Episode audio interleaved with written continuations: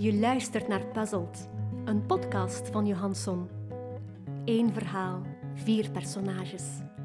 Je weet niets tot je alles weet. Deel 1, Daniel.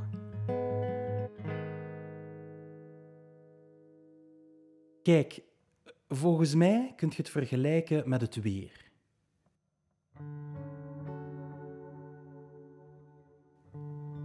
Kent je dat gevoel wanneer je vanuit je kantoorhokje de stadsgebouwen tegen de zwart-grijze lucht ziet afsteken? En je er een moment lang van overtuigd bent dat je voor eeuwig in deze dag zult vastzitten? En toch. Later op die dag heeft je hoofd naar andere dingen gestaan, heb je telefoons gepleegd die je er even uit hebben getrokken, heb je een babbeltje geslagen met Luc of Randal over de winstkansen van de loterij? En wanneer je naar de herentoiletten gaat, werpt je eerder toevallig een blik naar buiten om tot uw verwondering ineens een zonovergoten parking te ontwaren, waarop dat het wel met zomer lijkt. De bries die door de gekiepte ramen naar binnen waait, brengt u terug naar een tijdloosheid die je enkel van in je kindertijd kent. En nu heb ik het niet over na regen komt zonneschijn of welke van die clichés dan ook die Marie van Research and Development altijd gebruikt. Ik bedoel dat het onwezenlijk is hoe twee gemoedstoestanden die zo aan elkaar tegengesteld zijn en elk zo profaan en permanent kunnen aanvoelen, niet enkel in één en hetzelfde leven te passen zijn, maar zelfs in één en dezelfde dag. Nou, zo was het ook vandaag. Sinds de ruzie van vanochtend is er met moeite anderhalf uur voorbij gegaan. En toch voelt ze aan als een herinnering van jaren geleden. Het begon toen ik wakker werd met barsende hoofdpijn. Annie houdt vol dat het aan mijn kussen ligt, maar we weten beiden dat ik tegenwoordig te laat opblijf om vruchteloos aan dat nieuw nummer te werken. Een ode aan haar trouwens, dat ironisch genoeg door haar de laatste tijd maar niet vorderde. gisteren onderbrak ze me voortdurend door de muziekkamer binnen te komen met praktisch gedoe, zoals de rekening voor het kuisen van onze verwarmingsketel of de planning voor etentjes met vrienden die we al lang niet meer gezien hadden. Ik bedoel, Jezus, de regel die we hadden geïnstalleerd, dat dinsdagavond voor mij en mijn muziek was, leek niet eens meer te bestaan. Toen we net samenwoonden, hadden we er genoeg aan elke avond met z'n tweeën in de zetel te liggen terwijl ik wat ideeën op de gitaar uitprobeerde. Maar ergens onderweg was er een televisie bijgekomen en een auto en een verwarmingsketel die onderhouden moest worden en een job die mijn deel van de aflossingen betaalde, maar die me in mijn vrije tijd niet van mijn muziek weghield. Ja, zo gingen levens, dat wisten we, maar het leek pas gisteren tot me door te dringen hoe ver Annie ondertussen van me was weggedreven. En als ik zelfs haar niet meer kon warm maken voor mijn muziek, waarom folterde ik mezelf dan op mijn 37ste nog met pogingen om mijn eigen materiaal te schrijven? Toen ik naast haar in bed kroop, sliep ze al diep ik staarde nog een uur of zo naar twee zwarte vegen op het plafond waarvan niemand nog wist hoe ze er gekomen waren. En daarna probeerde ik tot rust te komen door mijn ademhaling op de hare af te stemmen.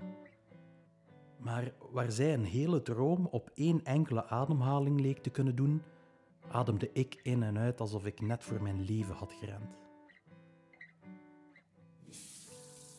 Uiteindelijk duurde het nog tot vanochtend toen zij onder de douche stond en ik in de keuken mijn lunchpakket voor de middag klaarmaakte, dat ik finaal zwichtte onder de verschrikkelijke droefenis van alles. De rechtstreekse aanleiding was eerder banaal. Ze had weer haar zelfbereide pindakaas gemaakt, waarvan ik altijd al vond dat ze scherp smaakte. Bijna misselijkmakend, om eerlijk te zijn. Hoewel ik haar dat nooit had durven zeggen. Dit stilzwijgen over de jaren heen was goed bedoeld. Ik wilde haar gevoelens niet kwetsen, begrijp je? Wist ik veel dat ze er een gewoonte van zou gaan maken om mij er een plezier mee te doen, waardoor het na een tijdje simpelweg te laat was om nog op mijn stappen terug te keren en het meer een gewoonte werd om de beproeving stilzwijgend te ondergaan. Alleen bracht dat in het licht van de afgelopen weken een ellendig nieuw inzicht met zich mee. Wat als ook zij mij al die tijd had gezegd dat ze mijn nummers prachtig vond, terwijl ze ze stiekem, nu ja, misselijkmakend vond. Tegen het moment dat ze met haar gewassen haren in een handdoek gewikkeld de keuken binnenkwam, ging er zoveel door me heen dat ik definitief brak. Ik wilde haar vragen of ze nog steeds van me hield, wat er gebeurd was met het vuur in onze relatie, of ze plannen had om mij te verlaten. Maar in de plaats was het enige wat eruit kwam. Vind jij mijn nieuw nummer niet mooi? Mijn stem brak knullig in twee, waardoor ik des te fragieler klonk. Maar in plaats van deze plotselinge vertoning van mijn kwetsbaarheid aan te grijpen om mij te troosten, maakt ze het enkel erger door mij verschrokken aan te kijken en vervolgens helemaal niets te zeggen. Het oneindige moment dat daarop volgde, waarin het gezoem van de koelkast de pijnlijke stilte nog meer leek te onderstrepen, zorgde ervoor dat ik uit pure schaamte het huis uitstormde en met gierende banden het grijze ochtendverkeer invluchtte.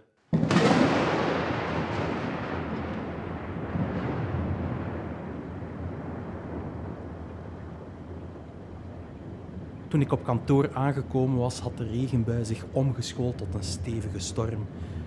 Sloegen de takken van de wilgen op de parking luid tegen de zijkant van het aluminium buitenwerk van het gebouw.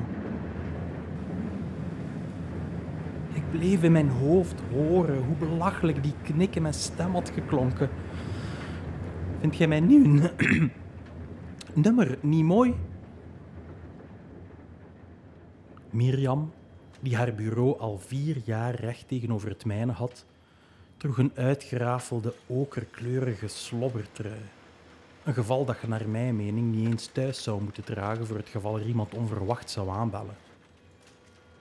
Toen ze opstond en koffie ging halen, merkte ik dat de rand van haar jeanspijp in haar linkerkous stak. Mijn gevoeligheid voor details stak de kop op en binnen de kortste keren was mijn kijk op alles in het kantoor vergiftigd met een onmetelijke treurigheid. Het zieloze aquarium naast de koffieautomaat en de waterverdeler, de ingelijste vergeelde posters van eerdere reclamecampagnes van het bedrijf, of de manier waarop Joffrey, onze tien jaar jongere baas, met zijn secretaresse Santina en zijn kielzog van de ene kant van de ruimte naar de andere sjeesde, terwijl hij zijn linkeroog nog feller dan anders samenkneep. Meer dan ooit bracht die zenuwtrek een slepend medelijden bij mij teweeg. Een gevoel van immense tristesse bij de gedachte dat dit banale werk, inkt voor kopieermachines aan de man brengen, hem een permanent trekkende beweging op het gezicht had opgeleverd. Een litteken van zijn dienst hier in de loopgraven van het kantoorwezen. Ik keek naar Luc, Randal, Katrien, Steven en Marie en zag overal dezelfde grijze alledaagsheid. Maar de allergrootste gruwel voelde ik toen ik mijn blik naar mezelf wendde, om te merken dat ik exact dezelfde keuzes had gemaakt als alle anderen hier. De oude trui, het verkleurde hemd, de goed genoeg voor werkbroek, mijn platgedrukt mutshaar dat mij aanstaarde vanuit de reflectie in mijn scherm. Ook ik had die ochtend mijn uniform van de middelmatigheid aangetrokken voor nog maar eens een nutteloze dag duf kantoorwerk. Uiteraard kwam mei 2017 me weer voor de geest. Daar zou ik voor moeten blijven oppassen, had de psy mij gezegd. Ik had technieken geleerd om rustig te blijven, maar ik wist hoe gemakkelijk ik ervoor kon kiezen om toch de donkerte op te zoeken. En eens ik die zou omarmen, wat zou me dan tegenhouden om deze keer wel voluit te gaan in mijn acties? Ik kwam stilaan in de gevarenzone terecht. En mijn verleden indachtig wist ik dat enkel een goddelijke interventie me zou kunnen helpen. En net op dat moment kwam ze aan. Wanneer ik haar door de glazen deur in de inkomhal van het gebouw zag staan, dacht ik even te dagdromen, maar ze stond er wel degelijk. Annie, doorweekt van de regen en hulpeloos om zich heen kijkend op zoek naar iemand die haar kon ontvangen. Ze zag er verwilderd uit, een beetje zoals oudere mensen die men verward noemt. Haar haar schoot alle kanten uit, ze had een paniekerige blik in haar ogen die ze op iets gefixeerd leek te hebben. En om het vreemde beeld compleet te maken, had ze mijn boterhammendoos in haar handen geklemd. Ik sprong overeind, ik haastte me naar haar toe en toen ze me zag aankomen, brak er een voorzichtige glimlach door op haar gezicht. Je bent je boterhammen vergeten, zei ze. Verlegen leek het haast.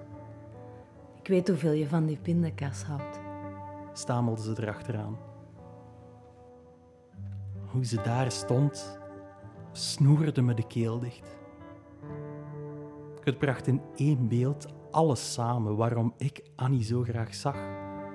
Haar bereidheid om zo'n stormbui te trotseren, de preekbaarheid om hier zo doordrenkt op mijn werk aan te komen in die goedkope regenjas, de boterhammen met haar pindakaas die weliswaar ellendig smaakte, maar die ze desalniettemin speciaal voor mij had gemaakt in de veronderstelling dat ze me er plezier mee deed.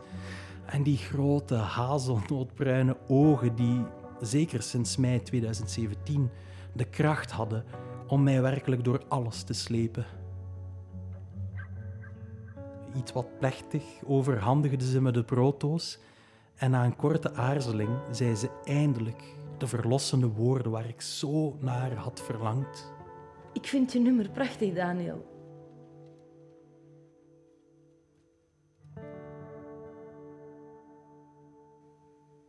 Toen gaf ze me een kus, keerde zich om en vertrok even plots als ze gekomen was. Ik vind uw nieuwe nummer prachtig, Daniel. Net zo onverwachts als het wolkendek kon openbreken om de verborgen schoonheid van de wereld te onthullen, had één zin mijn hele wereld veranderd. Toen ik naar mijn bureau terugliep, hoorde ik muziek. Ik leek lichter te zijn. Bewegen ging gemakkelijker en ik ademde weer, iets wat ik op een of andere manier vergeten was te doen. Wie was die man die ik bij aankomst in dit kantoor was geweest, die de wonderlijkheid van, God ja, van wat, van, van alles eigenlijk niet meer kon inzien? Ik ging bij Mirjam en Randal staan, die een praatje aan het slaan waren met Joffrey en Santina, en waar ik net nog niet meer kon zien dan uitgebluste collega's, zag ik nu het kleurrijk en wonderbaarlijk spel dat menselijk contact in wezen is.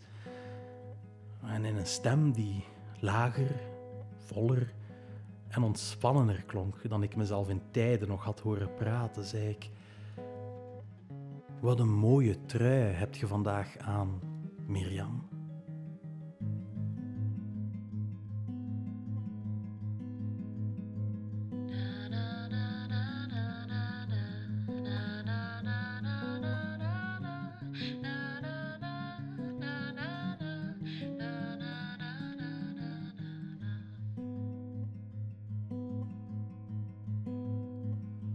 Regen valt bij pakken neer. Op de taken van de huizen en de straten. Op de pleinen, op de torens van de kerken van de stad. Ik kijk vanuit mijn zolderraam. Hoe je verbeten van me wegfietst, eenzaam in die zondvloed hartverscheurend naad. Spijt is van geen tel, mijn lief. Ik hield van jou en jij van mij. Maar de liefde werd voor allebei een strijd. Een opbod van meer en meer en meer en meer en meer. Tot het leeg werd tot het nergens meer op sloeg. Een carousel van nooit genoeg.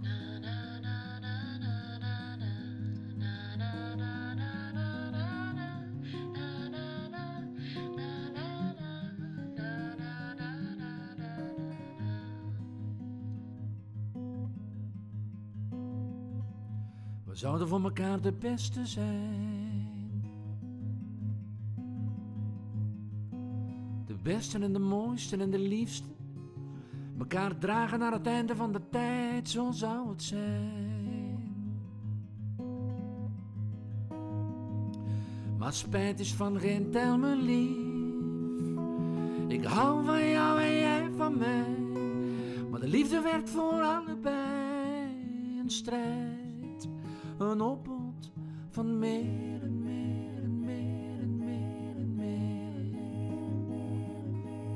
leeg. Tot het nergens meer op sloeg. Een carousel van nooit genoeg.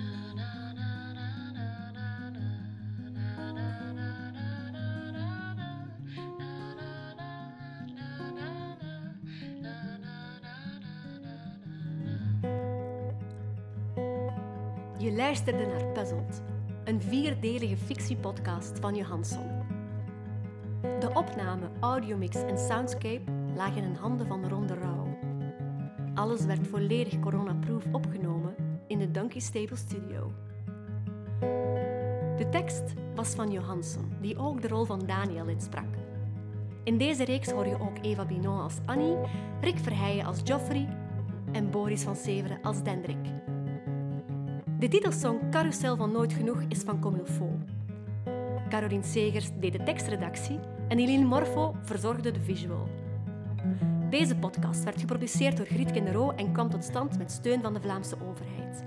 Speciale dank aan Ilse La Monaca, Anton Maartens, Nona de Keizer en Caroline Meerschaert. Puzzled de podcast kan je volgen op Instagram, we heten daar Puzzled Story, of op puzzledstory.com. Bedankt voor het luisteren.